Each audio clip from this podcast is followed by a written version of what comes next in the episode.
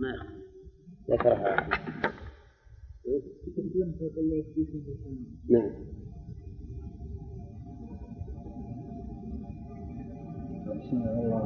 لا. لا نعم. الأخ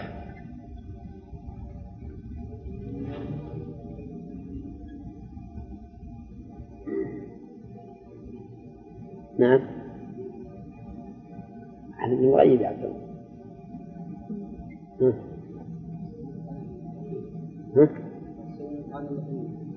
قلنا نعم. ذكرناه يسألونك عن اليتامى زين. سبعة. لا فيه فيه اصبر اصبر. من مدين. عن الجبال فقل نعم. هذه ثمانية؟ أصبر أصبر. يسألونك عن الشهر الحرام تسعة. ذكر. ها؟ يسألونك عن الروح. عشرة. سامي أصبر. ها؟ نعم. 11 عبد الله عبد الله ها؟ ذكرناه وما بقى إلا واحدة ها؟ ذكرناه نعم. يلا سلام. نعم. ويسألونك عن ذي القرنين. ويسألونك عن القرنين. واحد. هذا 12 ممكن يزيد واحد. 12 باقي واحد بعد. وإذا سألك عبادي عني لا منه منه يستخشونك في النساء قل يفتيكم فيه. إيه. طيب. وإذا سألك عباد عني ما تصلح؟ لا تصلح. لكن ونسخة تستفتونك في هي هم نعم هم سألوا الرسول صلى الله عليه وسلم قالوا يا رسول الله أقريب فننجيه أم بعد فننجيه لكن ما ما ما قال يسألون. طيب الاستفتاء يمنع عن السؤال لكن بس الإنسان إن, إن كان مراد ابن عباس السؤال بهذا اللفظ. إحنا نفقد يستفتونك مرتين ويبقى عندنا واحدة ذكرناها أي تعدد. ها؟ إنما مع إذا كان المعنى واحد ما ما هو ما في عبرة تكرار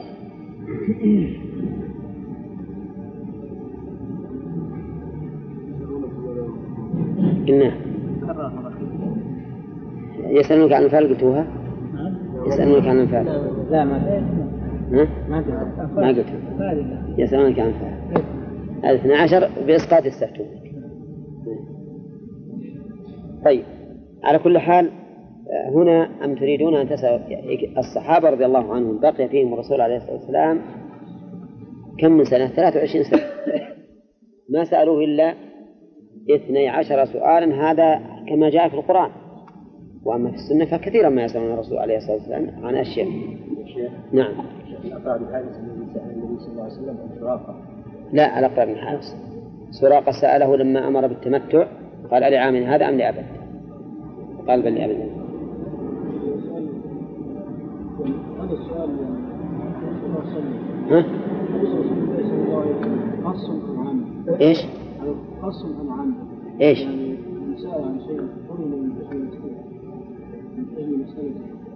وبعد وفاة الرسول ما ما هو ممكن هذا. بعد وفاة الرسول ما يمكن يحرم شيء ولا يحلل شيء. لأن الحرام والحلال قد ثبت. ولهذا بعد وفاة الرسول اسأل ولا حرج عليك لكن ما ينبغي عاد أن تسأل الأغلوطات هؤلاء الذين يأتون بالأشياء التي تحرج ولا, ولا يكون فيها خير. تجد مثلا يسأل ما لون كلب أصحاب الكهف؟ نعم. دور. راجع بالكتب كتب التاريخ. يمكن يمضي خمسة أيام ستة أيام وهو طالب كتب التاريخ. والفائدة؟ ها؟ لا شيء. الفائدة لا شيء. نعم. ومن هذا أيضا عناية بعض المحدثين في المبهمين. جاء رجل إلى الرسول فقال يا رسول الله كذا وكذا. جاء أعرابي فقال يا رسول الله كذا وكذا. بعض الناس يكون عنده نهمة ليطلع من هذا السائل ومن هذا الرجل. هذا بالحقيقة لا شك أن العلم به خير من الجهل به لكنه من فضول العلم. بمعنى أنه ما ينبغي أن نمضي أعمارنا بطلب من هذا القائل من هذا السائل. نعم؟ إحنا قلنا ان المعرفة خير لكن مو معناه ان نمضي أعمارنا عشان نفهمه فالحاصل إن السؤال يعني السؤال عن الأشياء اللي تعتبر اغلوطات وألغاز وأحاجي حتى بعد وفاة الرسول عليه الصلاة والسلام ما ينبغي. ولهذا كان بعض السلف إذا سئل عن شيء قال للسائل أوقعت بك؟ إن قال نعم قال سيعين الله. الله ما ينزل بلية إلا أنزل لها حل. وإن قال ما وقعت بي قال ما ما ما نمفتي لأنهم هم رايحين يتعبون أنفسهم مثلا في طلب الحكم إذا كانوا ما, ما يحسنونه أو أنهم يضعون حكما قد يتغير رأيهم فيه فيما بعد ويكون هذا السائل قد أخذ به. إلا في أمر وقع. يعني إذا وقع الأمر لا بد أن يشاف له حل. نعم. فالمسائل الغلوطات التي يأتي بها بعض الناس ويسألون إذا إذا كان ليس فيها مصلحة فلا تنبغي. أما إذا كان فيها مصلحة مثل الإنسان في مر طلبته على هذه المسائل فهذا لا شك أنه من باب العلم وهو, وهو طريق من طرق التعليم. وقد ألقى النبي عليه الصلاة والسلام على أصحابه لغزا وهو الشجر. ف... نعم. أم تريدون أن تسألوا رسولكم؟ رسولكم. أضافه الله تعالى إليهم. فقال رسولكم مع أنه في آيات كثيرة أضافه الله إلى نفسه. يا أهل الكتاب قد جاءكم رسولنا يبين. فما هو الجمع بين ذلك؟ هل هذا من باب التعارض والتناقض؟ أو أن كل واحدة من الإضافتين تنزل على حال؟ نقول كل واحدة من الإضافتين تنزل على حال. فهو رسول الله باعتبار أنه أرسله. وهو رسولنا باعتبار أنه أرسل إلينا. نعم. والمراد به محمد صلى الله عليه وسلم في الإجماع كما سئل موسى من قبل. كما سئل موسى من قبل. هو موسى سئل. ها؟ أري الله جهرة حتى إلى هذا. أين؟ إلى هذا الحد. أري الله جهرة؟ والبقرة عدة أسئلة وردت فيها. واجعل لنا إلها كما إلها كما لهم آلهة وغير ذلك. فبنو إسرائيل هم المشهورون بالأسئلة والتعنت والإعياء والإعجاز. أما هذه الأمة فإنها قد أدبها الله عز وجل فأحسن تأديبها. ما يسألون إلا عن أمر لهم فيه حاجة. كما سئل موسى من قبل وفي نعم الاستنباط بيأتي بعد. وهذا إنكار من الله عز وجل على هذه الأمة أن يكون دأبهم السؤال للرسول صلى الله عليه وسلم كما كان دأب بني إسرائيل. ومن يتبدل الكفر بالإيمان فقد ضل سواء السبيل. يتبدل الكفر يعني يأخذه بديلا. شو عنه؟ عن الإيمان. وهذا يشمل من بقي على كفره بعد عرض الإيمان عليه. ومن ارتد بعد كفره ومن ارتد بعد إيمانه. فإنه في الحقيقة تبديل. لأن كل مخلوق يولد على الفطرة. كل مولود يولد على الفطرة. فإذا كفر فقد تبدل الكفر بالإيمان. فمن يتبدل الكفر بالإيمان فقد ضل سواء السبيل. طيب ما مناسبة آخر الآية لأولها. مناسبتها ظاهرة. لأن كثيرا من الناس الذين يسألون قد يسألون ولا يعملون. لا سيما في الوقت الحاضر. فإن كثيرا من الناس يسأل فلان وفلان وفلان وفلان. ما يريد أن يعمل. يريد أن يعلم ما عند الناس فقط. أما العمل فلا. ولهذا نحن جربنا ذلك في مواسم الحج. تجد ال- السؤال يطرح على عدة علماء. ومعنى ذلك أن السائل ما أراد الحق. لأنه لو أراد الحق لكن إذا إذا استفتى من يثق به أخذ به وانتهى. لكن لا يجي يسأل هذا ويسأل هذا. وتجد هذا السؤال يتردد بين علماء كثيرين. كل ما بحثنا عالم ولا عنده علم منه. لأنه مسؤول عنه. ها؟ وربما يبحث عن الأسهل نعم. وربما إذا ما جاز لهم كله إيه، إيه، كله ما جاز له. قال خلاص هذول متناقضين ما, ما عندهم علم. والعلم براسه نعم. هم من ياخذ على ما يبي. وهذا أمر معروف. معروف. فالإنسان الذي يتبدل الكفر بالإيمان بمعنى أنه لا يتبع الحق بعد ظهوره فقد ضل سواء السبيل سواء ضل بمعنى تاه وسواء بمعنى وسط والسبيل الطريق. يعني خرج عن وسط الطريق إلى حافات الطريق وإلى شعبها وطريق الله تعالى واحد. الواجب عليك أن تمشي في سواء الصراط. في الوسط حتى لا تضل.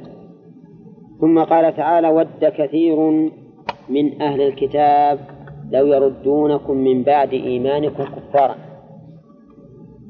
ود بمعنى أحب بل إن الود خالص المحبة.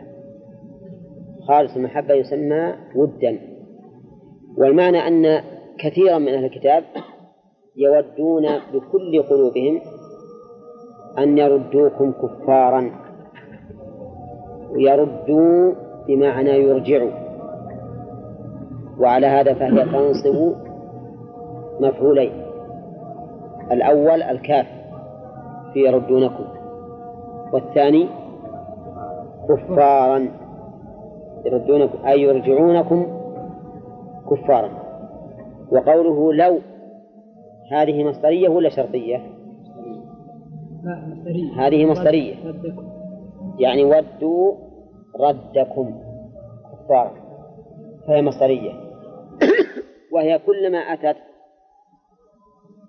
بعدما يدل على المودة والمحبة فإنها مصدرية أحب لو تفعلوا كذا وكذا. أود لو تفعلوا كذا وكذا. وودوا لو تكفرون. فتكون مصدرية كلما جاءت بعد فعل يدل على المحبة. وقول لا يردونكم من بعد إيمانكم. وهذا أشد. إن الإنسان والعياذ بالله بعد أن يؤمن يرتد.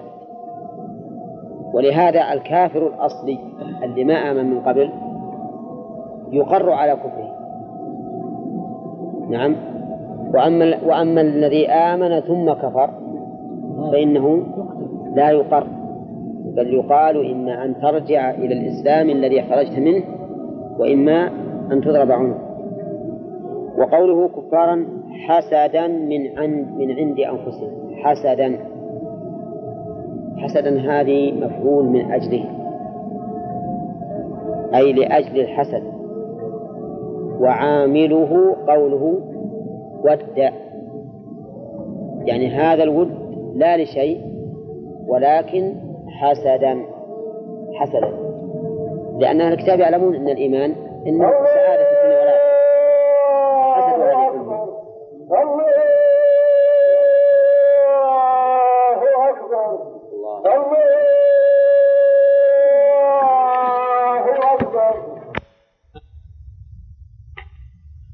في هذه الآية أولا إثبات النسخ وأنه جائز عقلا وواقع شرعا. وهذا ما اتفقت عليه الأمة. إلا أبا مسلم الأصفهاني فإنه زعم أن النسخ مستحيل. وأجاب عما ثبت نسخه لأن هذا من باب التخصيص وليس من باب النسخ. وذلك لأن الأحكام الأحكام النازلة ليس لها أمد تنتهي إليه بل أمدها إلى يوم القيامة. فإذا نسخت فمعناها أننا خصصنا الزمن الذي بعد النسخ أخرجناه من الحكم. فمثلا وجوب مصابرة الإنسان لعشرة حين نزل كان واجبا إلى متى؟ إلى يوم القيامة. شاملا لجميع الأزمان. فلما نسخ أخرج بعض الزمن الذي شمله الحكم. أخرج بعض الزمن الذي شمله الحكم فصار هذا تخصيصا. فيسميه تخصيصا. وعلى هذا فيكون الخلاف بين أبي مسلم وبين جمهور الأمة بل عامة الأمة خلافا لفظيا لأنهم متفقون على جواز مثل هذا الأمر إلا أنه هو يسميه تخصيصا وغيره يسميه نسخا والصواب تسميته نسخا لأنه صريح القرآن. ما ننسخ من آية أو ننسيها ولأنه هو الذي جاء عن السلف. ثبوت النسخ. فالصواب إذن جواز النسخ وقوع النسخ شرعا وجوازه عقلا ولا مانع. طيب. ومن فوائد الآية أن الشريعة تابعة للمصالح لأن النسخ لا يكون إلا لمصلحة. فإن الله لا يبدل حكما بحكم إلا لمصلحة. ومنها من فوائد الآية أن المن أن الناسخ خير من المنسوخ. خير من المنسوخ. لقول نأتي بخير منها أو مماثل له عملا وإن كان خيرا منه مآلا. لقوله أو مثلها. ومن فوائد الآية أيضا أن أحكام الله سبحانه وتعالى تختلف في الخيرية من زمان إلى زمان. بمعنى أنه قد يكون الحكم خيرا للعباد في هذا الوقت ويكون غيره خيرا لهم في وقت آخر. أليس كذلك؟ أي نعم. و ومنها من فوائد الآية عظمة الله عز وجل في قوله ما ننسخ فإنه الضمير هنا ضمير تعظيم. ما قال ما أنسخ قال ما ننسخ. الضمير هنا ضمير تعظيم وهو سبحانه وتعالى أهل العظمة. ومنها أيضا من فوائد الآية إثبات تمام قدرة الله عز وجل. لقوله ألم تعلم أن الله على كل شيء قدير. ومنها أن القدرة عامة شاملة. لقوله على كل شيء قدير.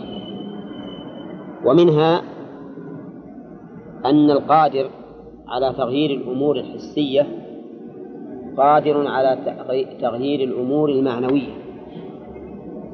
فالأمور القدرية الكونية الله قادر عليها. فإذا كان قادرا عليها فكذلك الأمور الشرعية المعنوية. وهذا فائدة قوله بعد ذكر النص ألم تعلم أن الله على كل شيء قدير؟ لأنه قد يقول قائل ما الفائدة من قولها ألم تعلم أن الله على كل شيء قدير؟ والفائدة أن القادر على تغيير الأمور الحسية قادر على تغيير الأمور المعنوية. ثم قال تعالى ألم تعلم أن الله له ملك السماوات والأرض وما لكم من دون الله من ولي ولا نصير؟ من فوائد الآية أيضا تقدير تقرير تقرير عموم ملك الله تقرير عموم ملك الله لقوله ألم تعلم أن الله له ملك السماوات ومنها من فوائد الآية اختصاص الملك لله تستفاد منين يا غانم؟ منين تستفاد اختصاص الملك بالله؟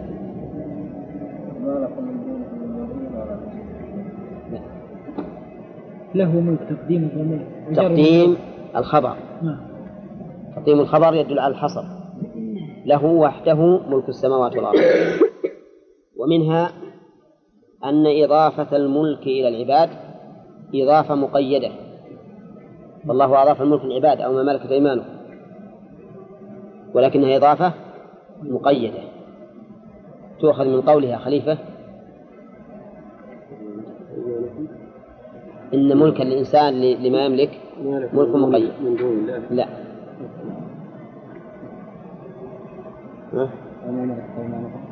لا. ألم تعلم أن الله له ملك السماوات؟ نعم له ملك السماوات. والأرض كان مثلا عندما يضاف الملك لي الملك مقيد. ما ما هو ملك مطلق؟ الملك المطلق لله وحده ولا شريك وحده ولا شريك له.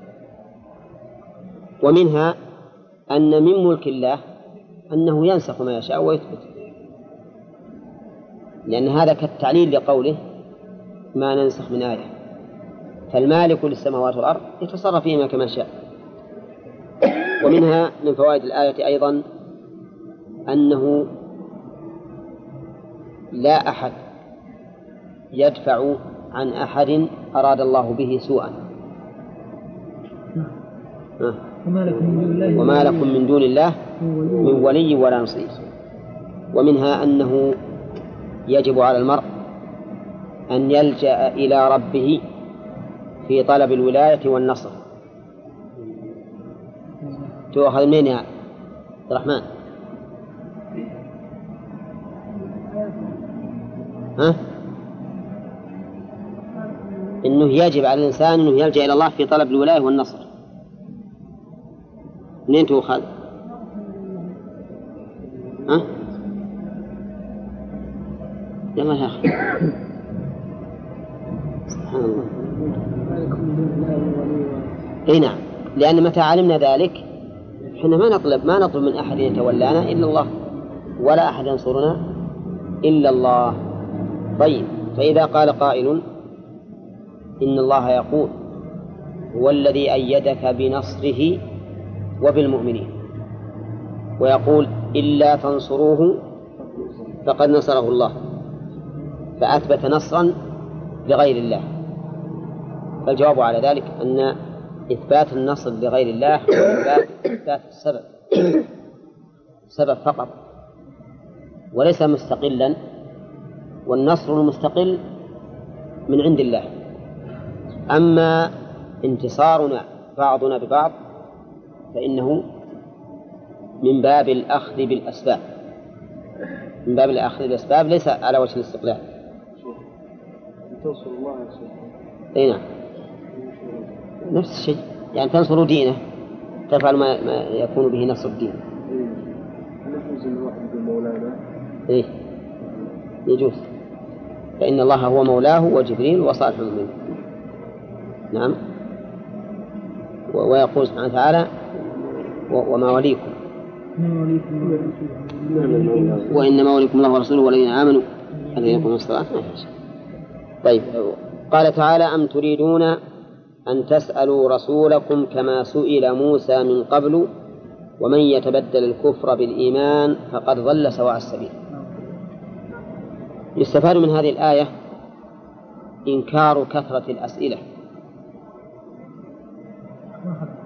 لا. هنا. إنكار كثرة الأسئلة. لأن هذا الاستفهام أم تريدون يقتضي به؟ الإنكار.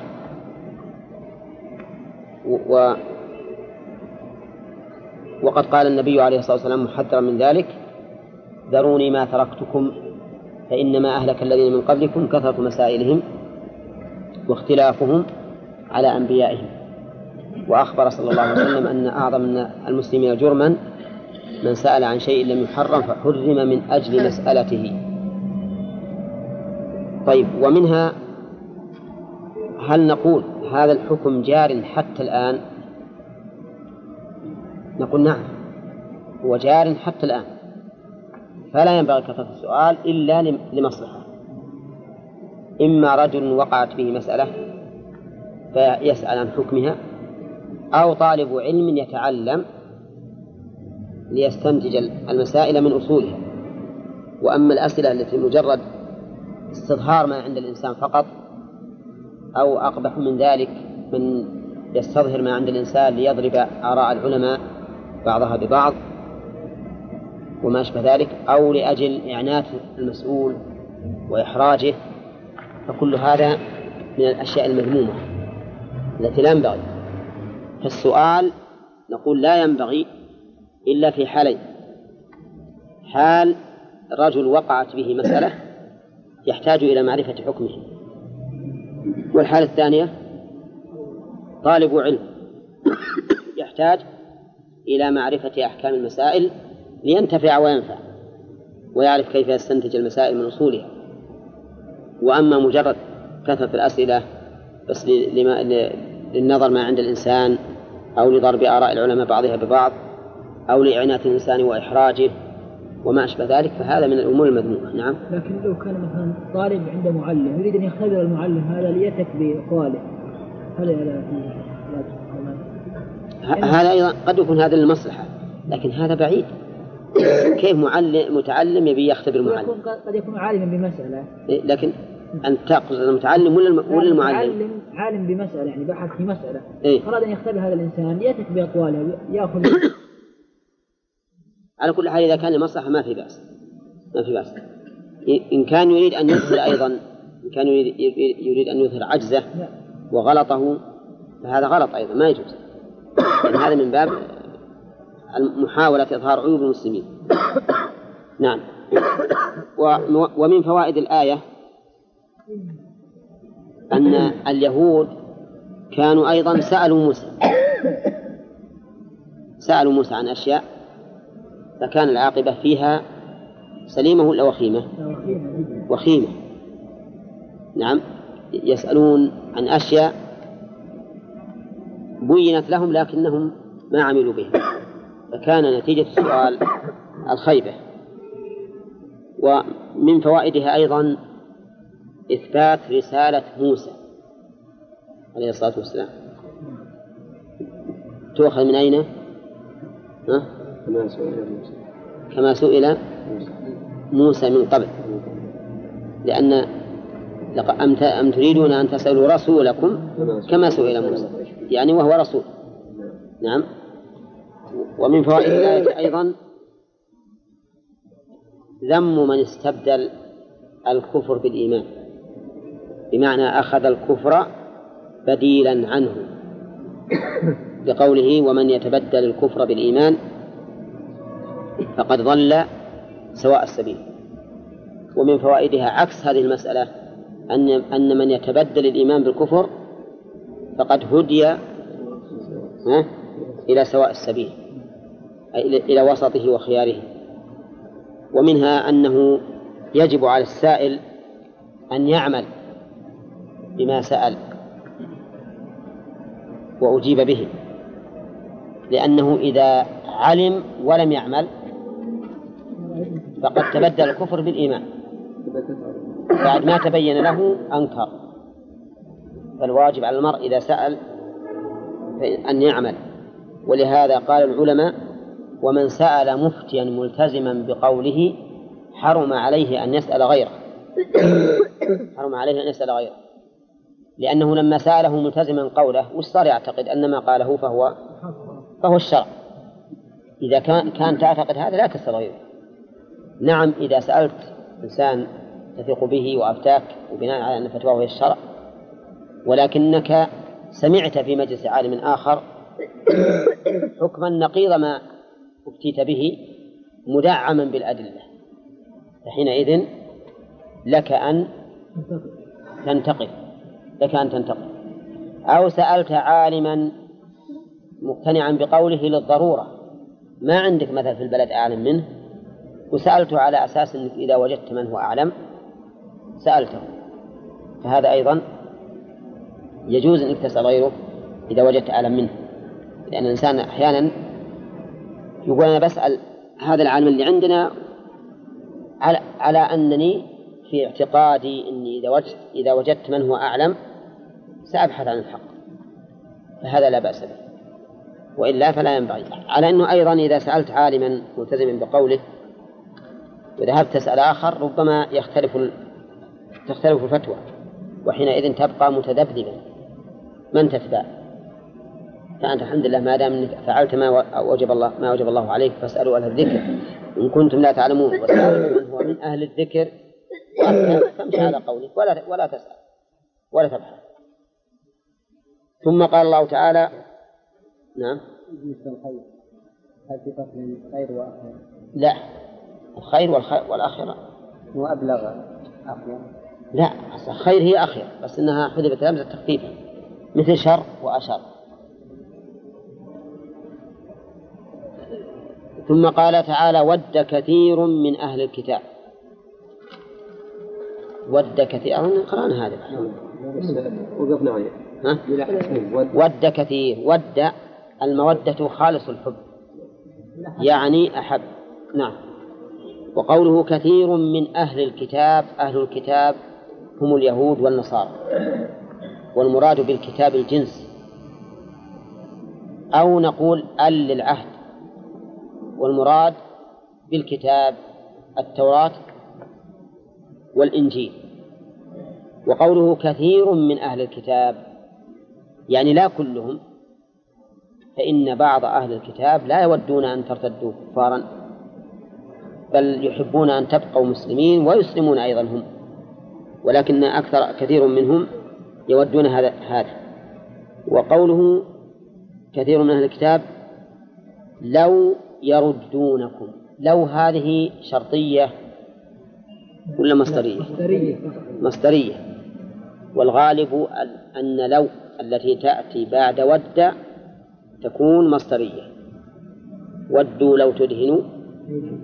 نعم. ود- وودوا لو تكفرون. ودوا لو تكفرون كما كفروا وغير ذلك.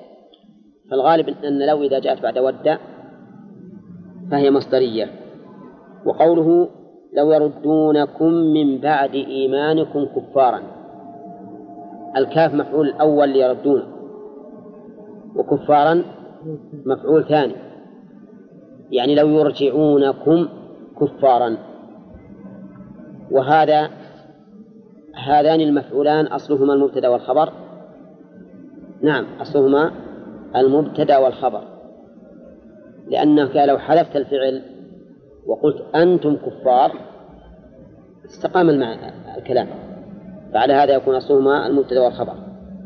وقوله من بعد إيمانكم لو يردونكم من بعد إيمانكم. لأن الارتداد ما يكون إلا بعد إيمان. أما الكافر فهو كافر لكن بعد أن صح إيمانكم وخلص وتبين هم يودون أن يغيروكم ويحولوكم إلى الكفر كفارا وقوله حسدا من عند أنفسكم. حسدا. مفعول له مفعول له مفعول لأجله. عامله قوله ود. ود كثير. أي ودوا حسدا. أي من أجل الحسد. نعم. لأن ما أنتم عليه نعمة عظيمة. فهو هؤلاء الكفار أعداء. والعدو يحسد عدوه على ما أصابه من نعمة الله.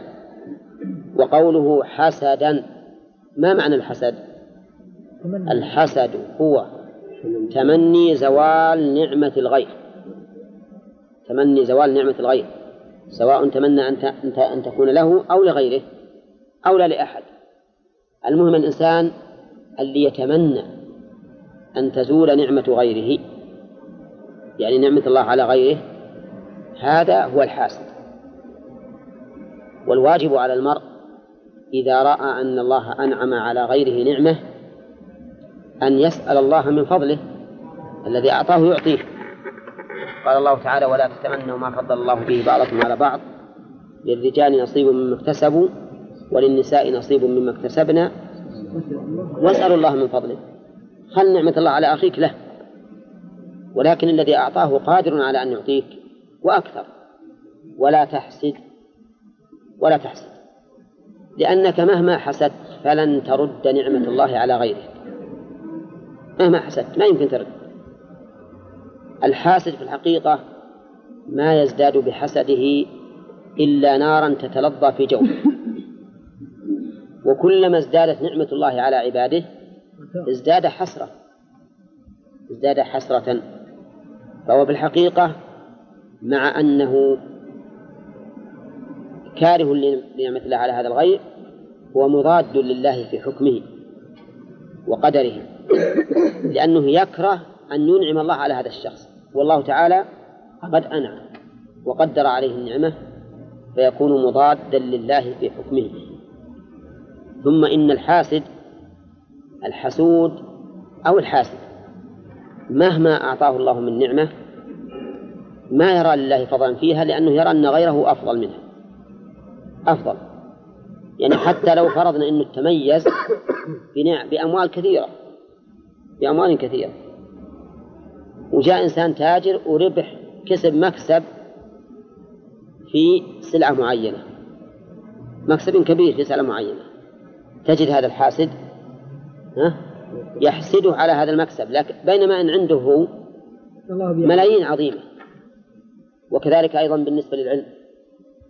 بعض الحاسدين مثلا إذا برز أحد في مسألة من مسائل العلم تجد لو أن هذا الرجل أعلم منه وأنفع للناس منه مثلا تجده يحسده على هذه المسألة التي برز بها أو صارت حديث الناس من أجل أنه كتب فيها مثلا أو ما أشبه ذلك أو قاله. هذا أيضا معناه أنه ما رأى نعمة الله عليه بهذا الذي أعطاه. فالحسد يا إخواننا أمره عظيم وعاقبته وخيمة والناس في خير والحسود في شر. الناس مطمئنون مستريحون لكن هذا الحسود والعياذ بالله يتتبع النعم نعم الله على العباد وكل ما رأى نعمة صارت جمرة في قلبه. فلهذا يجب أن الإنسان يقول هذا من فضل الله على هذا الرجل أسأل الله أن يعطيني مثل ما أعطاه. فيسأل الله من فضله. والله أرشدنا إلى هذا. ولا تتمنوا ما فضل الله بعضكم على بعض. للرجال نصيب مما اكتسبوا وللنساء نصيب مما اكتسبنا واسألوا الله من فضله. ولو لم يكن من خلق الحسد إلا أنه من صفات اليهود لكان كافيا في التنفير منه. هم الذين يحسدون الناس على ما آتاهم الله من فضله. نعم. فالحاصل أن هؤلاء اليهود والنصارى يودون أن يردوا المؤمنين بعد إيمانهم كفارا. واعلم أن من أحب شيئا سعى في تحصيله. سعى في تحصيله. ولا لا؟ ها؟ إذن هؤلاء اليهود والنصارى يسعون بكل ما يستطيعون من قوة مادية أو أخلاقية أو غيرهما وشوه ليردوا المسلمين بعد الإيمان كفارا.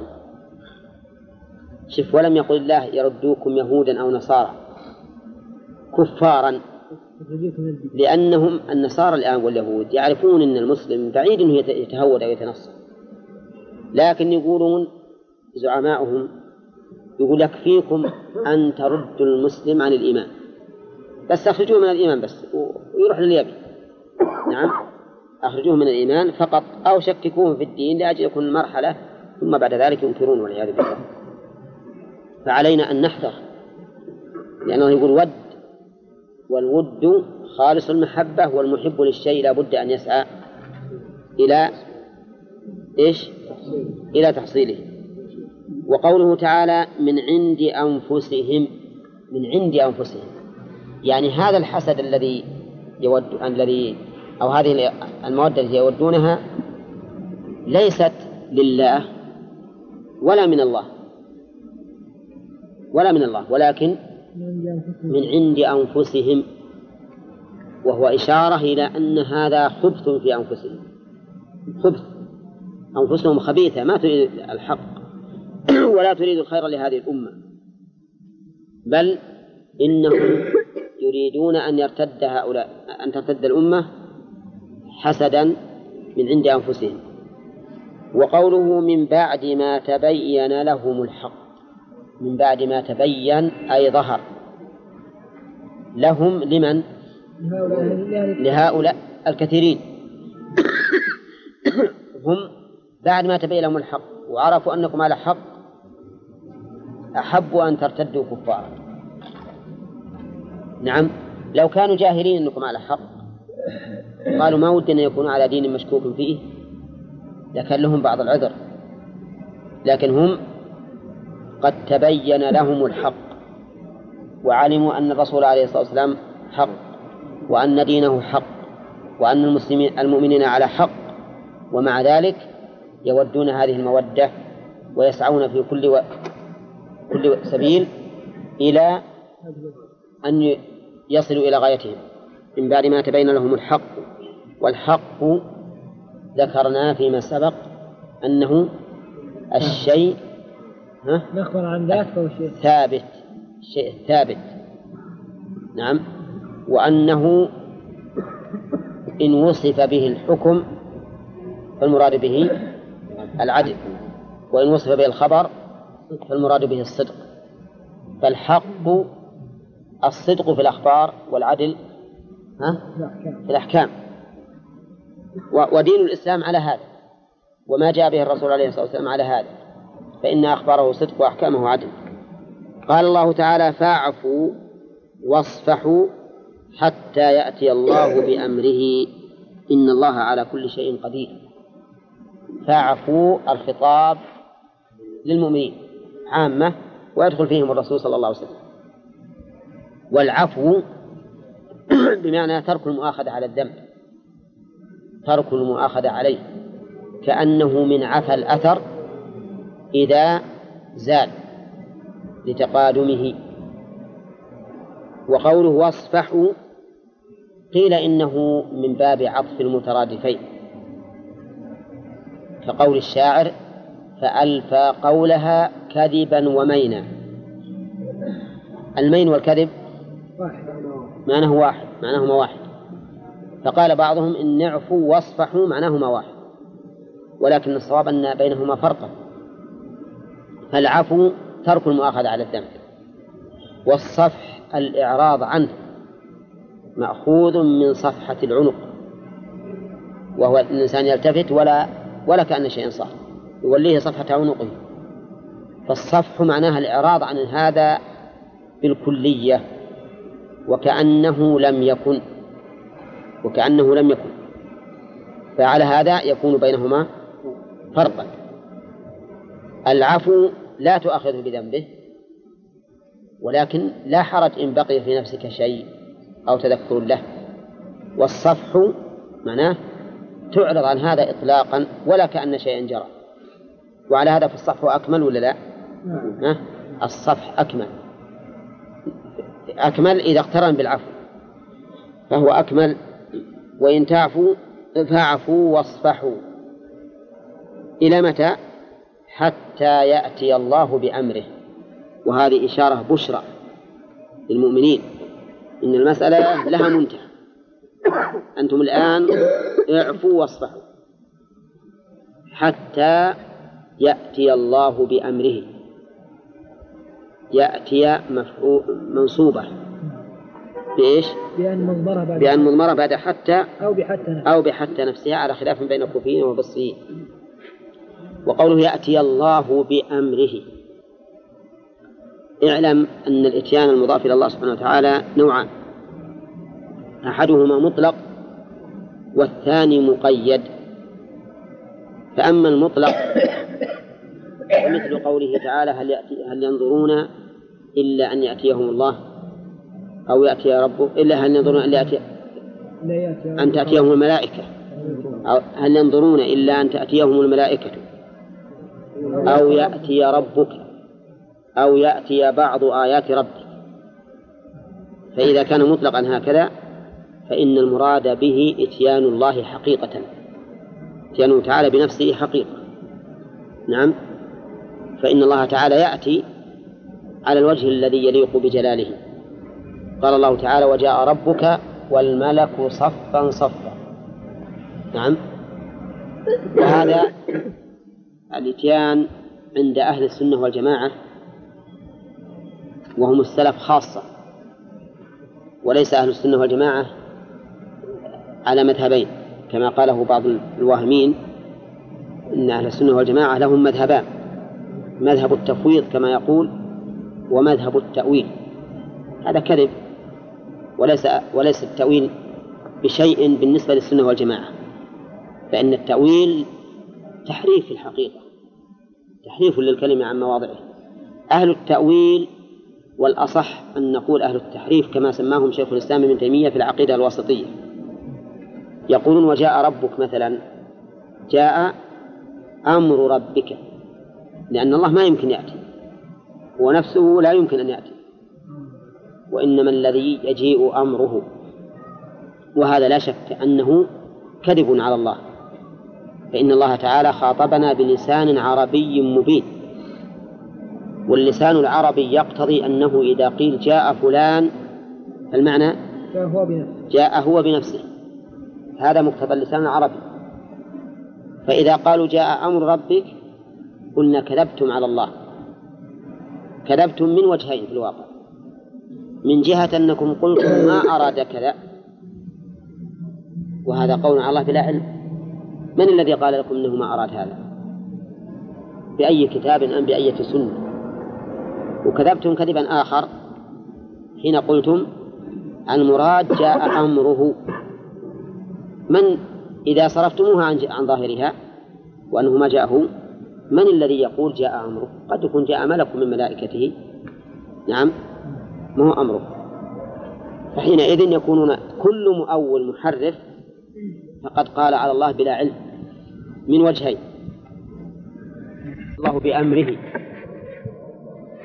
فالمراد يأتي ذلك الأمر. المراد يأتي ذلك الأمر. نعم. و والدليل على هذا أن إتيان أمر الله هنا الذي جعله جعله الله غاية هو الأمر بالقتال.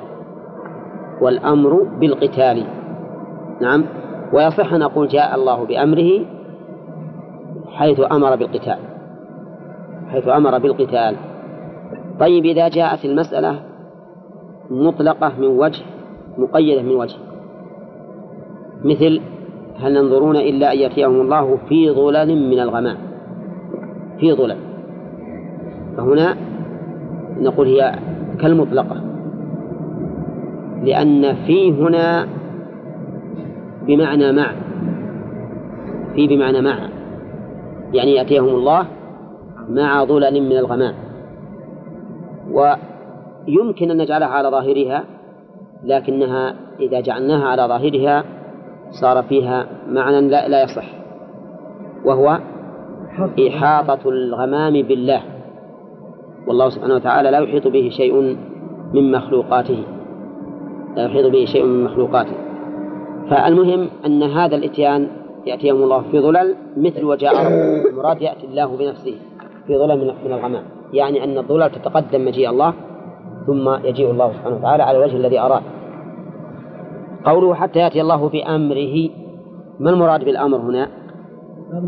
المراد به الأمر بالقتال مثل قوله تعالى قاتلوا الذين لا يؤمنون بالله ولا باليوم الآخر ولا يحرمون ما حرم الله ورسوله ولا يدينون دين الحق من الذين أوتوا الكتاب حتى يعطوا الجزية.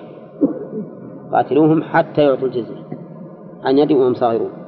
هذا من أمر الله سبحانه وتعالى الذي أتى به. فالرسول عليه الصلاة والسلام امتثل وعفى وصفح.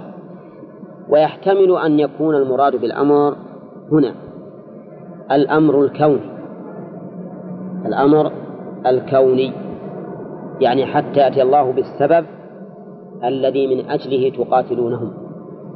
وذلك في مثل نقض العهد من بني النضير وبني قينقاع وبني قريظة. فإن الرسول صلى الله عليه وسلم أول ما قدم المدينة ماذا صنع مع هؤلاء اليهود؟ عاهدهم. عاهدهم. عاهدهم. ثم نقضوا العهد. قبيلة قبيلة حتى حصل ولله الحمد النصر عليهم. فقد يكون المراد بالأمر هنا ليس الأمر الشرعي بل الأمر الكوني القدري الذي به تستحلون قتالهم. الذي به تستحلون قتالهم. طيب. وقوله إن الله على كل شيء قدير يعني أن من تمام من تمام قدرته سبحانه وتعالى أنه سينصركم عليه حتى مع العفو والصفح فإن الله سبحانه وتعالى قادر على أن يغير الأمور وتكون الدولة لكم وقد كان الأمر كذلك ولله الحمد. فإن الدولة كانت للمسلمين. على كل أعدائه على اليهود وعلى من؟ وعلى النصارى وعلى المشركين على- وعلى المجوس. نعم. كل ولله الحمد. المخالفين للإسلام كانت دولة الإسلام. لكن بعد أن تقهقرت الأمة الإسلامية وتغيرت أحوالها وانتكست حصل البلاء. ودارت الدولة للأعداء. ودارت الدولة للأعداء وإذا كان الرسول صلى الله عليه وسلم في غزوة أحد حصل مخالفة واحدة. مخالفة واحدة بعد أن رأوا النصر بعد أن رأوا ما يحبون. والنتيجة ما هي؟ الهزيمة. الهزيمة. حتى إذا فشلتم وتنازعتم في الأمر وعصيتم متى؟ من بعد ما أراكم ما تحبون. يعني حصل خلاف ما تحبون وهي معصية واحدة وبعد وجود النصر. أو بشائر النصر. حصلت الهزيمة.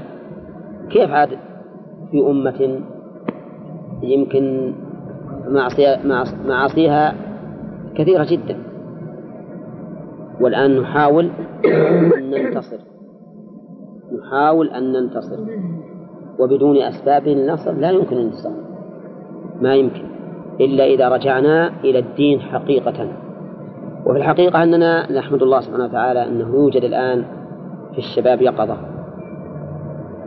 أقول يقظة خير من أن أقول صحوة لأن الصحوة من السكر واليقظة من النوم. اليقظة من النوم. وإن كان الهوى والمعاصي نوع من السكر. نعم.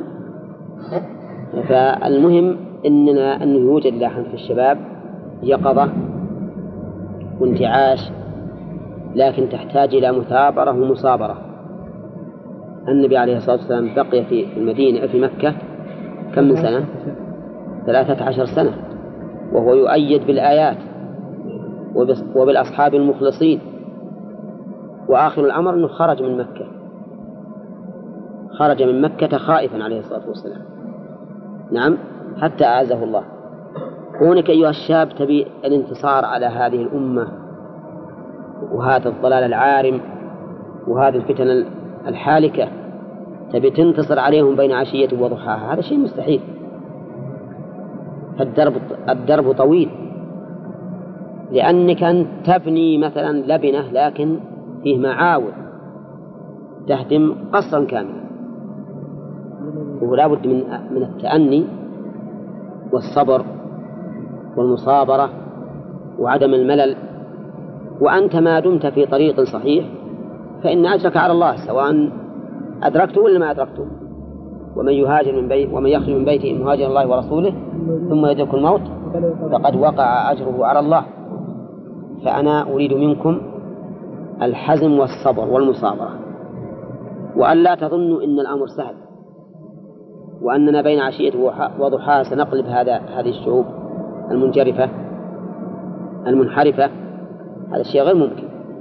لكن بالصبر والمصابرة. ولا أن يهدي الله بك رجلا واحدا خير لك من حمر النعم. وكذلك أيضا نعامل الناس باللين والرفق. وكل بحسبه. ادعو إلى سبيل ربك بالحكمة. هذا أحسن. وأنا أقول لكم مثلا إننا رأينا تأثير جماعة التبليغ.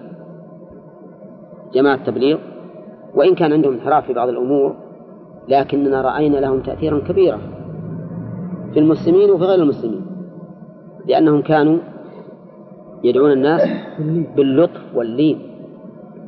نعم باللطف واللين الكامل. ورأينا مثلا من بعض الناس أو من كثير من الناس نفورا ممن يريدون من الناس أن يأخذوهم بال- بالعسف والقوة وأن من الآن يلا اركبوا السنة من الآن. انتظر. انتظر. أولا عالج الجرح حتى يندمل ثم اسعى في إزالة أثره التجميل بعد إزالة العيب فعلى كل حال شوف تأديب الله للرسول صلى الله عليه وسلم وأصحابه. اعفوا واصفحوا. حتى يأتي الله بأمره. قلنا الأمر هنا الأمر إيش؟ يجوز أن يكون الشرعي. أو القدري. بالنسبة لنا الأمر الشرعي انتهى. نعفو ونصفح حتى يأتي الله بأمره. ها؟ الأمر القدري. الأمر القدري. آه، ولا الأمر الشرعي ما- معروف الآن منتهي. وقول إن الله على كل شيء قدير قلت لكم إن فائدتها أن لا ييأس المسلمون من تغير الأحوال. فإن الله تعالى على كل شيء قدير وتتغير الأحوال وأنت لا تدري الإنسان ثم قال تعالى وأقيموا الصلاة وآتوا الزكاة. هذا أيضا من أسباب النصر والعون. كما قال تعالى واستعينوا بالصبر والصلاة. أقيموا الصلاة يعني قولوا قد قامت الصلاة. لا. ها؟ لا. وش معناه؟ أدوا الصلاة. أدوا الصلاة على وجه الك- الكمال. لأن إقامة الشيء جعله قيما معتدلا مستقيما. فمعنى أقيموا الصلاة يعني ايتوا بها كاملة بشروطها وأركانها وواجباتها ومكملاتها. وقول الصلاة عام يشمل الفريضة والنافلة. ومن إقامة الفرائض كثرة النوافل. من إقامة الفرائض كثرة النوافل. لأنه جاء في الحديث أن النوافل تكمل بها الفرائض يوم القيامة. ما من إنسان إلا وفي, وفي فريضته نقص. لكن هذه النوافل تكملها وترقعها. وقوله آتوا الزكاة أي أعطوها. آتوا بمعنى أعطوا. وهنا حذف المفعول الثاني. لأن الزكاة مفعول أول والمفعول الثاني محذوف. يعني مستحقيها آتوا الزكاة مستحقيها ومستحقوها قد بينهم الله في سورة براءة. إنما الصدقات للفقراء إلى آخره. وقول آتوا الزكاة يعني الزكاة في اللغة النماء والزيادة. ومنه قولهم زكى الزرع إذا نما وزاد. في الشرع عبارة عن دفع مال مخصوص لطائفة مخصوصة تعبدا لله عز وجل. هذه الزكاة. وسميت زكاة لأنها تزكي الإنسان. تزكيه. قال الله تعالى خذ من أموالهم صدقة تطهرهم وتزكيهم بها. فهي تزكي الإنسان في أخلاقه وعقيدته. لأنها تخرجه من حظيرة البخلاء إلى حظيرة الأجواد والكرماء. فهي تزكية للإنسان وتطهير له من من الرذائل وقوله وأقيموا الصلاة وآتوا الزكاة بعد أن أمر بالصبر والعفو والصفح يدل على أن أنه ينبغي للإنسان أن يتشاغل بمهمات دينه عن غيره. مع الدعوة إلى الله. لكنه لكل مقام مقال. إنما كون الإنسان يعرض عن إقامة الصلاة وإيتاء الزكاة وراء قوم قد لا ينتفعون بالدعوة هذا ما ينبغي. ولهذا جاء في الحديث إذا رأيت شحا مطاعا وهوى متبعا ودنيا مؤثرة وإعجاب كل ذراء برأيه فعليك بخاصة نفسك ودع عنك أمر العوام نعم لا بأس به. فهذا ينبغي أن الإنسان ما يتشاغل عما يعود لنفسه بالخير من أجل نفع غيره ويرتب المصالح والعبادات لأنها مرتبة. وقوله وما تقدموا لأنفسكم من خير تجدوه عند الله. ما هذه شرطية وليست موصولة. والدليل على ذلك أنها جزمت الفعل والجواب الشرط والجواب. وما تقدموا أصلها تقدمون وتجدوه أصلها تجدونه. وقوله وما تقدموا لأنفسكم تقدموا لأنفسكم الكلمة لأنفسكم. لأن التقديم للنفس يكون بحسب اتباع الشرع. ناخذ الفوائد قال الله تعالى ود كثير من الكتاب إلى آخره. من فوائد هذه الآية بيان شدة عداوة اليهود والنصارى للأمة الإسلامية. بيان شدة عداوة اليهود والنصارى للأمة الإسلامية. ثانيا أن من اليهود والنصارى من ليس شديد العداوة لهم بقوله ود كثير مفهومه أن بعضهم لا يود هذا. ومن فوائد الآية أيضا أن الكفر بعد الإسلام يسمى ردة. الكفر بعد الإسلام يسمى ردة. لقوله لو يردونكم ولهذا المرتد اللي يكفر بعد الإسلام ما يسمى كافر فقط يسمى مرتد. لأنه رجع عن دين خير مما رجع إليه. أي؟ أي نعم. لا نقول بعضهم وهل بعض هذا قد يكون يؤمن وقد لا يؤمن. طيب الثاني ومن فوائد الآية أيضا أن الحسد من صفات اليهود والنصارى. أن الحسد من صفات اليهود والنصارى. ومن فوائدها أيضا علم اليهود والنصارى بأن الإسلام منقبة عظيمة لمتبعه. من أين يؤخذ؟ لا. من الحسد. لأن الإنسان ما يحسد إلا على شيء يكون خيرا ومنقبا نعم. ومن فوائد من فوائدها أيضا وجوب الحذر من اليهود والنصارى. ما داموا كثير منهم يودون أن هذا فإنه يجب علينا أن نحذر منهم. ومن فوائد الآية أيضا بيان خبث طوية هؤلاء الذين يودون لنا الكفر. بيان خبث طويتهم لأنه قال من عند أنفسهم. ليس من كتاب وليس من إساءة من المسلمين إليهم ولكنه من عند أنفسهم. أنفس خبيثة تود الحسد أو الكفر للمسلمين حسدا. ومن فوائد الآية أيضا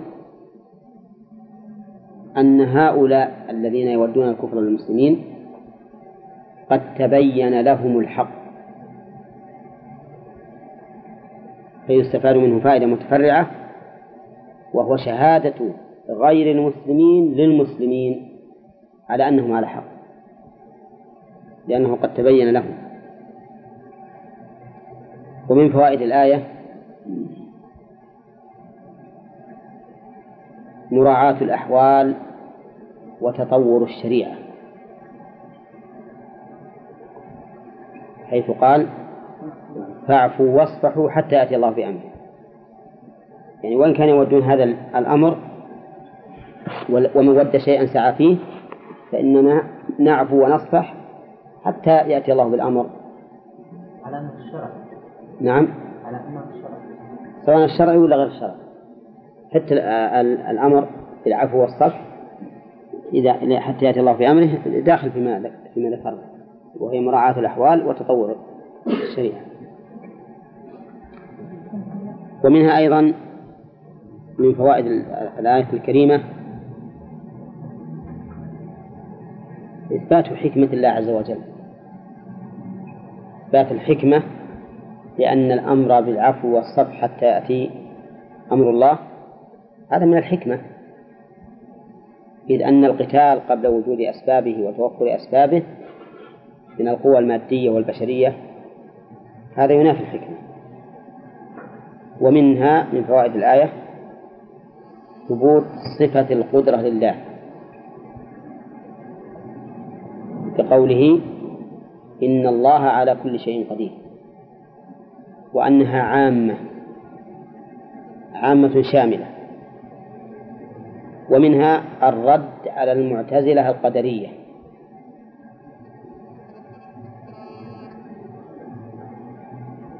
لأنهم يقولون إن الإنسان مستقل بعمله. وإذا كان مستقلا بعمله لزم من ذلك أن الله ما يقدر على تغييره.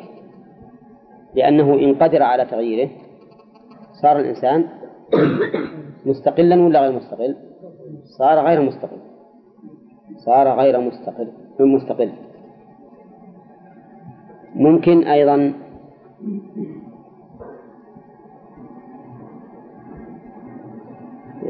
لما بعيدها اي نعم. ها؟ نعم. نعم. المسألة القدرية هي. هي. لأن الله على كل شيء قدير ها؟ من الأشاعرة القدرية هنا في أنهم يقولون إن الإنسان مستقل بعمله وأنه ما يقدر إن الله سبحانه وتعالى يصرفه عنه فهو مستقل ما له علاقة ما له علاقة به إطلاقا إحنا نقول إذا كان الله قادرا على كل شيء فمنه هذا الشيء؟ صرف الإنسان عما يريد إلى ما إلى ما يقدر الله عليه. ثم قال تعالى وأقيموا الصلاة وآتوا الزكاة وما تقدموا لأنفسكم من خير تجدوه عند الله. هذا خليها بعد لأن ما كملناها تقولون؟ ها؟ طيب قال تعالى وما تقدموا لأنفسكم من خير تجدوه عند الله. ما شرطية وتقدموا فعل الشرط وتجدوه جواب الشرط. وقوله وما تقدموا لأنفسكم. يعني أن الإنسان إذا قدم خيرا فإنما يقدمه لنفسه. لنفسه. ولهذا ليس له من ماله إلا ما أنفق. فما أخره فهو لوارثه. فلما قال وآتوا الزكاة قال وما تقدموا لأنفسكم من خير تجدوه. فأنت إذا قدمت شيئا من مالك من زكاة أو صدقة مستحبة أو نفقة واجبة فإنك قدمته لنفسك. وما أخرته؟ ها؟ أخرته لمن؟ للوارث لوارثك. وفي قوله لأنفسكم ترغيب. وإغراء بالتقديم لأنك تقدم لنفسك وما بقي فلوارثك. وقوله من خير هذه نكرة في سياق الشرط فتفيد العموم. أي خير قدمت يا الإنسان كثيرا كان أو قليلا فإنك ستجده. قال رسول الله صلى الله عليه وسلم اتقوا النار ولو بشق تمرة. شق تمرة يعني نصف. يمكن نصف تمرة تقي الإنسان من النار. وهذا خير عظيم. وقوله سبحانه وتعالى تجدوه عند الله مأخوذ من الوجود من الوجود. يعني أنكم تلقونه عند الله تعالى متى؟ يوم القيامة. يوم القيامة هو ادخر لكم. وذلك والحسنة بعشر أمثالها إلى سبعمائة ضعف إلى أضعاف كثيرة. كما قال تعالى مثل الذين ينفقون أموالهم في سبيل الله كمثل حبة أنبتت سبع سنابل في كل سنبلة مئة حبة. والله يضاعف لمن يشاء. هناك شيء أيضا وراء ذلك. وقال تعالى إن الله بما تعملون بصير. إن الله هذه الجملة مؤكدة بإن. مؤكدة بإن مع أن الخطاب ابتدائي إذ أنه لم يوجه إلى متردد ولا منكر. والخطاب إذا لم يوجه لمنكر ولا متردد فإنه يسمى إرشاد يسمى ابتدائيا ابتدائيا. والابتدائي ليس يؤكد ما حاجة تؤكده. لكن ذكرنا عدة مرات أن الخطاب الابتدائي قد يؤكد لا باعتبار حال المخاطب ولكن باعتبار أهمية مدلوله. فهنا له أهمية عظيمة أن الله يخبرنا سبحانه وتعالى أنه بما نعمل بما بكل ما نعمل بصير. وقوله بما تعملون ما اسم موصول يفيد العموم. بما نعمل قلبيا وبدنيا قوليا وفعليا لأن القلوب لها أعمال مثل المحبة والخوف والرجاء والرغبة وما أشبه ذلك. كل ما نعمل قلبيا وبدنيا فعليا وقوليا فإن الله تعالى بصير به. وقوله بما تعملون متعلقة بإيش؟ ببصير. فلماذا قدمت عليها؟ لغرضين. الغرض الأول قد يكون مراعاة الفواصل لأن ما قبلها فاصلة بالراء. قدير وبعدها بسيط وقد يكون من التقديم من أجل الحصر والحصر هنا وإن كان يقلل من عموم من العموم لكنه يفيد الترغيب آه الترهيب. الترهيب والترغيب أيضا كله. أرجو الانتباه لأنه, لأنه إذا قيل أيما أولى أن نقول إن الله بصير بكل شيء مما نعمل ومما لا نعلم أو أنه بصير بما نعمل فقط. أي أعظم؟ الأول أعظم. فلماذا قدم المعمول ونحن نقول إن المعمول تقديمه يفيد الحصر؟ قلنا فائدة الحصر هنا عظيمة وهي تحذير الإنسان أو تغيبه كأنه يقول لو لم يكن الله بصيرا إلا بأعمالكم فإنه يكون بصيرا فإنه يكون بصيرا. مثل ما يقول الإنسان الذي يهدد ابنه اذهب فأنا أعلم ما تقول والأب عنده علم بما يقول وبما لا يقول لكنه يقوله له على سبيل التهديد وقد يكون على سبيل الترغيب. فهنا نقول فائدة الحصر مع أنه يقلل من العموم. هو إيش؟ الترغيب أو الترغيب حتى نرهب كأن الله تعالى لو لم يكن بصيرا لو لم يكن بصيرا لكان بصيرا بأعمالنا ولا بد. وقوله بما تعملون بصير هل هو من البصر اللي هو الرؤية العين أو من الإبصار اللي هو العلم؟ ها؟ الثاني. لأننا ذكرنا أن قوله بما تعملون يشمل العمل القلبي والبدني والعمل القلبي لا تتعلق به الرؤية. فيكون المراد بالبصير هنا إيش؟ البصير يعني العليم. يعني العليم وإن الله بما تعملون بصير. وقال وقالوا لن يدخل الجنة إلا من كان هودا أو نصارى. قالوا من؟ اليهود والنصارى. قالوا أي اليهود والنصارى. لن يدخل الجنة إلا من كان هودا وهذا قول اليهود. أو نصارى وهذا قول النصارى. فاليهود قالوا ما حد يدخل الجنة إلا حنا. والنصارى قالوا ما حد يدخل الجنة إلا حنا نعم. ما يدخل الجنة إلا يهودي يقوله اليهود. ما يدخل الجنة إلا نصراني يقوله النصارى. وهود جمع هائد. كعوذ جمع عائد. نعم. العود المطافين. فهود أي هائد. وهائد بمعنى راجع. لقوله إنا هدنا إليك. إنا هدنا إليك. أي رجعنا. وقيل إن الهود جمع يهود أي يهوذا يعني اسم جدهم الأول اللي ينتمون عليه اسمه يهوذا بالذال ولكنه لما عرب صار يهود. والله أعلم. على كل حال هم هؤلاء القبيلة من بني إسرائيل الذين يزعمون أنهم متبعون لمن؟ لموسى. أما النصارى فقيل إنه مأخوذ من النصرة. وقيل إنه مأخوذ من نسبة إلى بلدة تسمى الناصرة.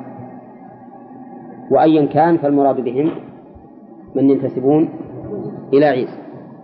قال لن يدخل الجنة إلا من كان هودا. وعلى هذا على رأي اليهود يكون النصارى ما يدخل الجنة. والمسلمون ما يدخل الجنة. وقد سبق أنهم قالوا لن تمس النار إلا أيام معدودة ثم تخلفوننا فيها. النصارى أيضا على رأيهم ما يدخل اليهود الجنة. وهذا صحيح؟ صحيح. بعد من بعث عيسى من كفر به فإنه لا يدخل الجنة. ولن يدخل المسلمون الجنة. هذا غير صحيح. هذا غير صحيح. بل نقول إنكم أنتم أيها النصارى وكذلك اليهود بعد بعثة الرسول صلى الله عليه وسلم لما كفرتم به كنتم من أهل النار. كما قال رسول الله صلى الله عليه وسلم والذي نفسي بيده لا يسمع بي من هذه الأمة يهودي ولا نصراني ثم لا يؤمن بما جئت به إلا كان من أهل النار. إلا كان من أهل النار. فالحاصل أن هذا القول كذب. أولى من الطرفين؟ ها؟ من الطرفين. قال الله ولهذا قال الله عز وجل تلك أمانيهم. تلك. أي تلك المقالة. تلك المقالة. أمانيهم. أماني جمع أمنية. وهي ما يتمناه الإنسان بدون سبب يصل به إليه. هذه الأمنية. أنك تتمنى شيء لكن بدون أن تأتي بالسبب الذي يوصل إليه. واحد قال أنا أتمنى أن الله يجيب لي ولد. قلنا له تزوج. قال لا ما نتزوج. وش يكون هذا التمني؟ أمنية ولا ولا لا؟ نعم رأس مال المفاريد ولهذا قال الرسول عليه الصلاة والسلام الكيس من دان نفسه وعمل لما بعد الموت والعاجز من أتبع نفسه وهواها. وتمنى على الله الأمان. فهؤلاء يتمنون. يقول نحن المؤمنون فالجنة لنا؟ هذه أمنية كاذبة. اعملوا للجنة تكون من أهل الجنة. أما مجرد أماني كاذبة فهذه لا تنفعكم شيئا. ولهذا قال تلك أمانيهم ثم قضى بالعدل. قل هاتوا برهانكم إن كنتم صادقين. فالعدل يعني نحن ما نرد كلامكم إلا إذا جاء إلا إلا إذا لم تقيموا عليه الدليل. فإن أقمتم عليه الدليل فهو على العين والرأس. هاتوا برهانكم. قل يعني يا محمد هاتوا برهانكم إن كنتم صادقين. وهاتوا اسم فعل ولا فعل أمر؟ إيه, لكن القاعدة القاعدة أن يكون فعل أمر. لأنه ما دل على الطلب ولحقته العلامة فهو فعل أمر. فهو فعل أمر. فهنا يقال هاتوا ويقال هاتي للمرأة ويقال هاتيا الاثنين فإذا هو فعل أمر. ها؟ العلامة أنه إذا قبل قبل الفاعل اتصال الفاعل به فهو فعل أمر إذا قبل اتصال الفاعل الفاعل طيب. ها؟ نقول هذا ما بيعها كسر.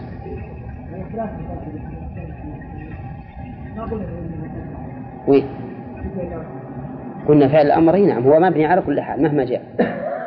وعلى ما سمع على ما سمع.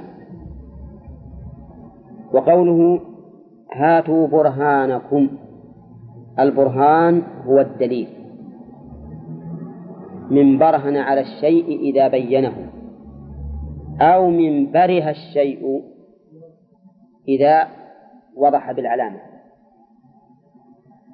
فعلى الأول يكون النون أصلية وعلى الثاني تكون نون زائدة. وعلى القولين جميعا فالبرهان هو الدليل الذي يوضح حج الذي يتبين به حجة الخصم. هات دليل يتبين به قولك ونحن نقبله. نحن نقبله. ثم قال إن كنتم صادقين. ترى شوف إذا قيل إن كنتم صادقين معناه أن هذا أمر لا يمكن وقوعه. فتمنوا الموت إن كنتم صادقين. ما هو واقع؟ تحدي. فإذا كانوا صادقين بأنه ما يدخل الجنة إلا اليهود والنصارى فليأتوا بالبرهان فليأتوا بالبرهان. وسيأتون به؟ لا. إذا يكونون كاذبين. إن كانوا صادقين فيأتوا بالبرهان. ما جاءوا فيكونون كاذبين. كلمة هاتوا برهانكم فعل الأمر يراد به التحدي والتعجيز. إن هذا أمر لا يمكن أن يكون. هذا أمر لا يمكن أن يكون. واعلموا أن من دعايات المنصرين الآن من دعايات المنصرين النصارى أنهم يأتون للشباب في أمريكا وغيرها. يقولون يا جماعة أنتم ناس مسلمين. وناس تحبون العدل. نعم تحبون العدل. تفضلوا اقرأوا الأناجيل. اقرأوا الإنجيل شوفوا في شيء كله دعوة للخير وكله دعوة للتسامح وكله دعوة للبذل إلى المعروف إلى آخره فالإنسان يغتر بهم لأنهم إذا قالوا إذا قالوا هالكلام نتبع العدل. شوفوا هل إحنا مخطئين ولا لا؟ الغر ينخدع بذلك. والله صحيح. ربما إنهم صادقين. وينسى أن الله تعالى كذبهم. ينسى كل اللي بالقرآن والسنة. لأن ذولا خدعوه. وهم أيضا ما عندهم برهان. ما عندهم برهان على ما قال. لأن الأناجيل المعروف الآن كم هي؟ الأناجيل أربعة هذا المعروف. كل إنجيل منها لا يوافق الآخر في أعظم شيء من شؤون النصارى. وهو قصة صلب المسيح. نعم. وقتله. هذا ما هم متفقين عليه إطلاقا يقولون الخبراء أنا ما درست هذه الأناجيل لكن الذين قرأوها يقولون كلها غير متفقة على هذه القصة مع أنه من أعظم ما يكون عند النصارى. كذلك أيضا يقولون إنه من جملة ما ما فيها أن عيسى عليه الصلاة والسلام لما قتل ودفن وبقي ثلاثة أيام خرج. خرج من قبره. ويسمون هذا القيامة. هذا كل الأناجيل استندت فيه على قول امرأة مجهولة. العقيدة يمكن تثبت بقول امرأة مجهولة. ها؟ غير ممكن. كذلك يقولون إن عيسى عليه الصلاة والسلام هذه المرأة إن كانت زانية وأنهم أتوا, له أتوا بها إليه. وطلبوا منه أن يرجمها بناء على شريعة التوراة. وقال لهم أنا أرجمها لكن ليبدأ بالرجم من لم يعمل خطيئة منه. يبدأ بالرجم. فتفرق. يعني كل واحد منهم قد عمل خطيئة. وهو يريد أن يقول هاي هي عملت خطيئة وأنتم يجب التسامح. ثم لما ما بقي له قال أيضا أنا ما أستطيع أني أرجمك لأني ما أسلم من الخطأ فعفى عن عنها وهي زانية وهي التي شهدت بأنه حينما دفن قام من قبره. نعم. فعلى كل حال يعني الحقيقة بعض بعض الناس يقول أنا أرى لكن أنا لا أوافق في الرأي. بعض الدكاترة من المدرسين يقول أنا أرى أن الأناجيل تنشر بين الناس. لأجل يعرفون كذب النصارى وتناقض النصارى. لكن والله إحنا ما نرى هذا لأن هذا فيه مفسدة لأنه ما كل إنسان يبي يقرأه يكون محيطا في, في, في الأمر. يقرأ الجوانب السليمة الزينة اللي التي جاء الإسلام بمثلها بل أحسن منها. ثم يدع الأشياء التي تبين كذب هؤلاء. فالله تعالى يقول قل هاتوا برهانكم. لأنه لا برهان لهم فهذه الآن الأناجيل اللي يقول هي برهاننا ودليلنا على أن ما نقوله حق. نقول ليس بصحيح. لأن من تأملها وجد أنها ليست بصحيحة. وجد أنها ليست بصحيحة. لكن هم يأتون إلى هؤلاء الأغرار اللي ما عندهم علم ولا عندهم عبادة ثم يخدعونهم. على الأقل يكون عند الإنسان تردد هل الإسلام هو الصحيح ولا النصرانية هي الصحيحة؟ نعم.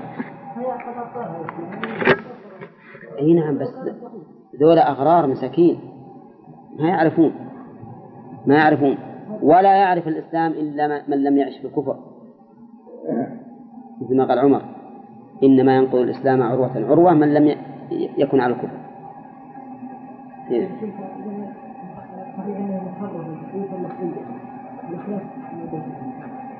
كيف؟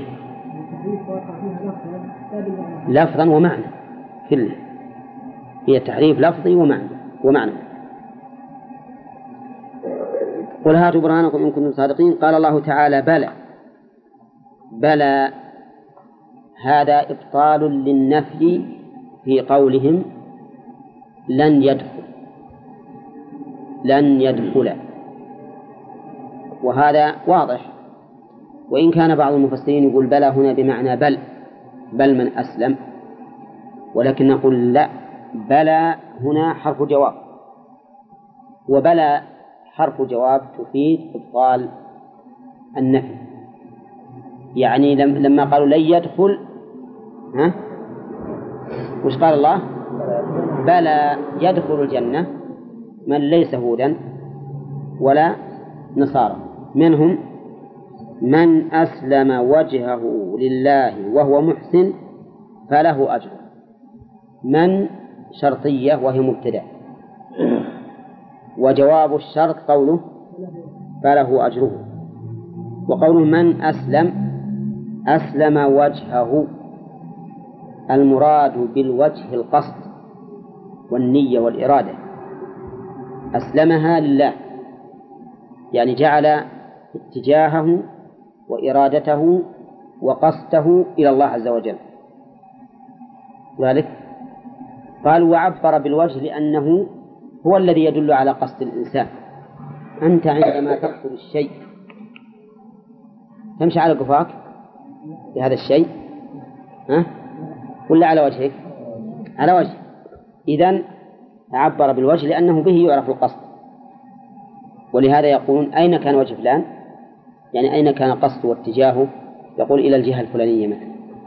وقول وجهه لله هذا عمل القلب وهو الإخلاص. وهو محسن الجملة في موضع نصب على الحال. من فاعل أسلم. يعني أسلم وهو وهو في حال الإحسان. والحال أنه محسن. والمراد بالإحسان اتباع الرسول صلى الله عليه وسلم ظاهرا وباطنا. وقد جمعه رسول الله صلى الله عليه وسلم في قوله أن تعبد الله كأنك تراه فإن لم تكن تراه فإنه يراك. الفرق بين الجملتين تعبد الله كأنك تراه وهذه عبادة الطلب. فإن لم تكن تراه فإنه يراك وهذه عبادة الهرب والخوف. لأن الإنسان إما أن يكون تكون عبادته حبا لله وشوقا إليه ويحمله على ذلك الحب والشوق وإما أن يكون خائفا منه يخاف مراقبة الله سبحانه وتعالى واطلاعه عليه. والحال الأولى أكمل من الحال الثانية. فهذا هو الإحسان. فلا بد من الإحسان ولا يكفي الإخلاص. ما يكفي الإخلاص. ولهذا فيها الآن أناس من هذه الأمة يقولون نحن نحب الله ونريد الله ونسعى للوصول إلى جنته وهم منحرفون في عبادته. هل يدخلون في الآية هذه؟ ها؟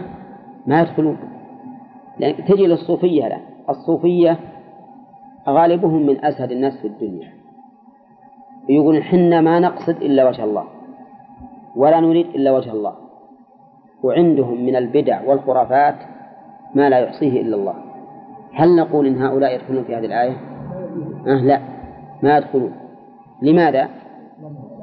لعدم الإحسان. لعدم الإحسان. والإحسان كما قلت لكم هي المتابعة للرسول صلى الله عليه وسلم فعلى هذا تكون الآية دالة على الشرطين الأساسيين في العبادة وهما الإخلاص ها والمتابعة للرسول صلى الله عليه وسلم. وهو محسن. نعم. وين وين الإخلاص؟ من أسلم وجهه لله هذا أي وأحسن. أي هذا اتباع يتضمن الرسول. اتباع الرسول. إيه. الإحسان اتباع الرسول. بس قلنا الإحسان هو إيه؟ هو الإحسان هو الإخلاص والمحسن. لا لا لا. ما قلنا. قلنا أن الآية تتضمن هذا. كل بالإحسان. لا مو بالإحسان. وقوله فله أجره عند ربه. الأجر ما يعطاه الإنسان على عمله. كما لو استأجرت شخصا يعمل لك بناء فأعطيته. والمراد به هنا الثواب. الثواب؟ المراد به الثواب. شبهه الله تعالى بالأجر لأنه حق للإنسان. من أوجبه على الله؟ الله. هو الذي أوجبه على نفسه. ها؟ قال الشاعر ما للعباد عليه حق واجب كلا ولا سعي لديه ضائع. إن عذبوا فبعدله أو نعموا فبفضله وهو الكريم الواسع. نعم. ولكن ابن القيم في النونية قيد هذا البيت يعني مطلق. فقال ما للعباد عليه حق واجب. هو أوجب الأجر العظيم الشامل هو أوجب. لأنه ال- الأول البيت الأول ما للعباد عليه حق واجب. يفهم الإنسان أنه إن الله لا يجب عليه إثابة الطائعين. أولا ها؟ لكن ابن القيم رحمه الله بين واجب أوجبه غيره عليه. فقال هو أوجب الأجر العظيم الشان.